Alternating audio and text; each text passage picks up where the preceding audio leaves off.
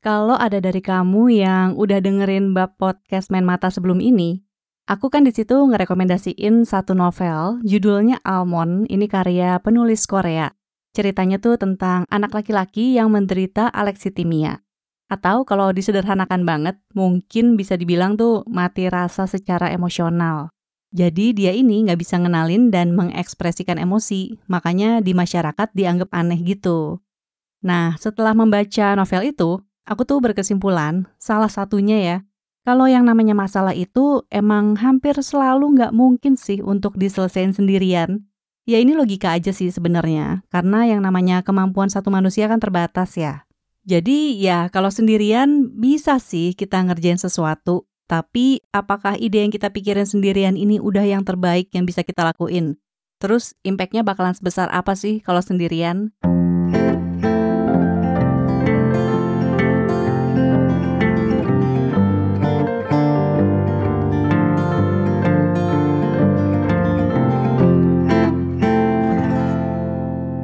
Halo, aku Peti dan kamu lagi dengerin podcast Main Mata, podcast buku yang ngebahas banyak hal seputar dunia buku.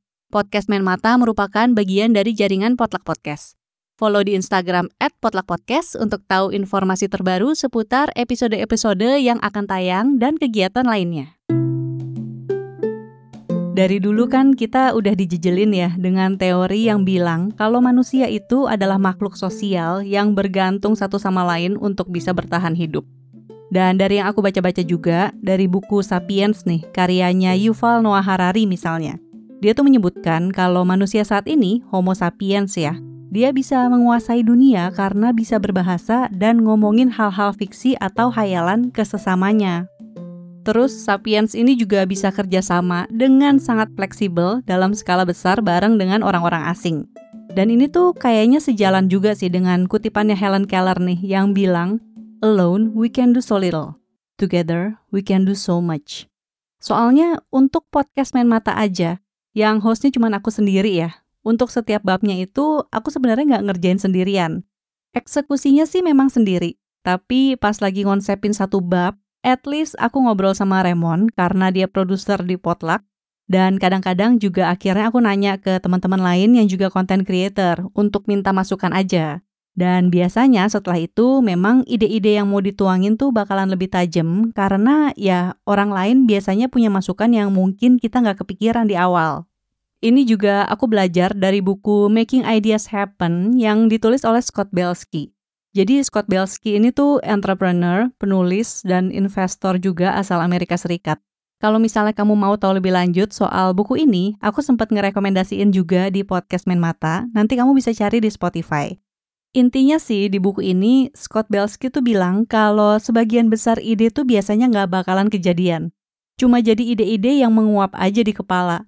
Jadi dia bilang beride tuh gampang. Ngewujudin idenya buat jadi kenyataan, nah itu yang sulit. Terus juga kata Belsky, selain kita harus bisa bikin action steps nih untuk ngewujudin idenya, kemudian gimana sih cara kita eksekusi, yang gak kalah penting juga adalah kita harus manfaatin kekuatan di sekeliling yang kita punya. Caranya gimana? Ya dengan membagikan ide kita ke orang lain yang menurut kita berpotensi untuk bikin idenya jadi lebih baik. Belsky menulis, komunitas itu tuh ada di sekitar kita, jadi mereka tuh termasuk tim kita. Kalau misalnya kita kerja dalam tim, mentor, klien, pendengar, kolaborator, juga keluarga dan teman-teman. Dan biasanya nih mereka emang belum paham sama ide-ide kita di awal, tapi mereka bakalan bikin ide kita tuh jadi lebih nyata nantinya. Kalau kita bisa bikin traksi di seputar ide-ide yang kita pikirin, kita juga akan bisa manfaatin kekuatan orang-orang yang ada di sekitar kita ini. Dan emang biasanya nih ya, ketika kita punya ide, kita tuh ngerasa ide kita kayak mungkin udah bagus banget sampai kalau dikritik tuh rasanya sakit hati gitu. Atau kita sampai lupa juga nih mau promosiin ide kita dan akhirnya ya cuma mentok di isolasi alias di pikiran sendiri. Padahal kalau kita membagikan ide kita ini ke orang-orang di sekitar, kita bakalan menerima feedback dan dukungan juga dari mereka. Mungkin juga bakalan muncul kompetitor, tapi ya persaingan justru bisa jadi pemicu kan buat kita jadi lebih serius lagi. Dan sisi positif lainnya, lama-lama kita juga bisa nemu orang-orang dengan interest yang sama dan justru jadi bisa berkarya bareng. ini juga yang akhirnya aku rasain sewaktu terjun ke dunia podcast soalnya. Jadi waktu awal-awal nyemplung ke dunia podcast, sebenarnya aku nggak pernah kepikiran kalau ternyata dalam perkembangannya itu pelaku di dunia podcast itu lebih banyak laki-laki. Ini tuh baik yang di depan layar maupun di belakang layar. Kalau teorinya kenapa, itu aku juga belum nemu jawaban yang jelas. Tapi di negara asalnya podcast alias Amerika Serikat juga sama lebih banyak cowok di podcasting, dan mungkin ini berlaku di seluruh industri media juga ya. Tapi sebenarnya aku nggak ngerasa ini sesuatu yang harus dipermasalahkan sih, mau banyakkan laki-laki kek atau perempuan. Soalnya ya aku sendiri juga suka dengerin beberapa podcast yang hostnya laki karena kontennya emang bagus dan cocok. Tapi memang rasanya tuh seneng banget sih ketika nih ya sebagai podcaster, aku berhasil nemu podcast yang aku suka kontennya, terus hostnya cewek, kemudian bisa kenalan dan ternyata kami nyambung. Itu juga yang aku rasain ketika akhirnya kenalan sama tiga orang podcaster perempuan. Ada Ida Umama, hostnya podcast I Think I Wanna Date You yang ngobrolin tentang percintaan. Terus ada Stefani Chandra dari podcast Suara Puan. Kalau dia konten-kontennya tentang puisi dan cerita kisah hidup macam-macam perempuan. Terus ada juga Yunita Dewiana yang biasa dipanggil Acing. Dia dari podcast Abjad Tersirat kalau dia memperlakukan podcastnya kayak jurnal, jadi banyak bercerita tentang keresahan dan pengalaman personalnya sebagai perempuan. Kami semua kenalan karena sama-sama podcasting, terus juga ternyata mereka suka baca buku dan juga suka menulis. Jadi sebagai podcaster, aku ngerasa kayak punya teman berbagi tentang hal-hal yang kami lakukan aja, dan juga saling mencuri ilmu pastinya. Nah, dari kesamaan-kesamaan ini, akhirnya nih kami berempat barengan bikin satu podcast baru, namanya Out of the Books yang basically sih ini ngegabungin semua kesamaan tadi ya. Podcasting, buku, menulis, dan perempuan. Makanya lewat Out of the Books, kami ngobrolin isu-isu seputar pengalaman personal dan juga isu sosial lewat literasi. Jadi kami tuh ngebahas buku-buku, film, atau tulisan yang pernah kami baca, dan juga gimana buku, film, atau tulisan itu tuh punya kaitan erat dengan hidup kami masing-masing, dan pastinya hidup banyak orang lain juga. Misalnya ini nih, Steph cerita soal kenapa dia suka puisi-puisinya Rupi Kaur. Jadi di iya. buku dia yang judulnya Milk and Honey, kalau kalian tahu, uh, itu kumpulan puisi gitu, berisi kumpulan puisi yang ditulis oleh Rupi uh, atas dasar pengalaman masa lalu dia yang berkaitan dengan hal-hal yang berbau seksual gitu. Hmm. Kalau gue nggak salah dia pernah menjadi korban pelecehan, gue lupa oleh siapa dan dia menggambarkan itu semua dalam bentuk puisi. Nah, wow. ada salah satu nih uh, puisi dia yang gue suka banget dan menurut gue related dengan hmm. apa yang tadi Acing cerita. Judulnya adalah The Art of Growing. Puisinya panjang, ada dua halaman panjang gitu. Hmm. Tapi ada part yang menurut gue menarik banget. Yang kata-katanya adalah gini. When I go home, I tell my mother, the men outside are starving. She tells me, berarti si mothernya nih, she tells hmm. me, I must not dress with hmm. my breasts hanging said the boys will get hungry if they see fruit.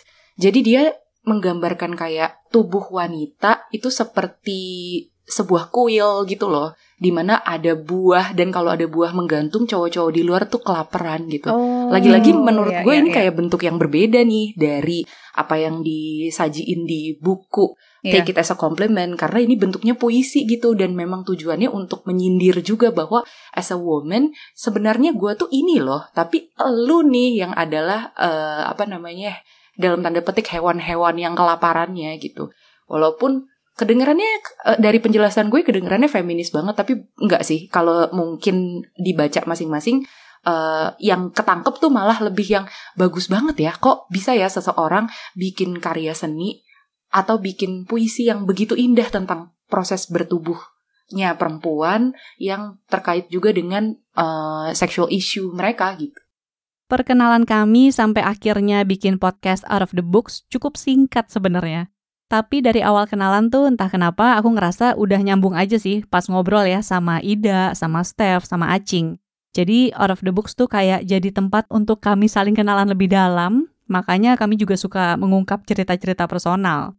Salah satunya nih contohnya Ida di episode 2 Out of the Books, dia tuh cerita kalau hidupnya tuh relate banget sama tokoh Erwin di film Cek Toko Sebelah. Makanya gitu gue sih. kemarin nge-reference ke film Cek Toko Sebelah kan. Hmm. Udah pada nonton belum? Tapi? Sudah. Belum Gue gue. udah, gue udah. Nah, ada tokoh Erwin yang akhirnya dia disuruh pulang ya. Disuruh pulang ke rumah jagain tokoh bapaknya karena bapaknya sakit. Padahal Erwin lagi dipromosin jabatan gitu yang dia impi-impikan sejak lama lah ibaratnya gitu kan. Walaupun konteks keluarga gue sama keluarga di Cek Toko Sebelah berbeda. Hmm. Gue tuh pas part itu nangis di bioskop. Gue bisa ngerasain lah bagaimana beratnya lu ngelepas sesuatu yang lu idamkan yang sebenarnya itu bisa bikin keluarga lo lebih shining, shimmering, splendid gitu. Iya kan? Wah gila nih Erwin gue banget ya walaupun memang posisinya sama-sama beda.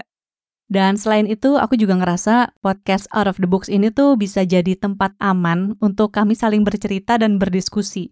Dan ini nggak eksklusif buat kami berempat aja ya. Karena yang pengen kami lakukan lebih jauh nih lewat podcast Out of the Box sebenarnya nanti tuh ngajakin teman-teman perempuan untuk arisan bareng. Jadi, ke depannya kami memang pengen mengundang banyak temen untuk ikutan ngobrol di podcast, untuk saling kenalan lebih jauh lewat literatur yang dibawa karena kami pengen banget bisa menampung sebanyak-banyaknya cerita dari teman-teman perempuan yang pengen berbagi di tempat aman. Jadi, buat kamu yang saat ini mungkin lagi ngerasa sendirian, coba yuk mampir ke podcast Out of the Books. Siapa tahu kami bisa menjadi teman kamu.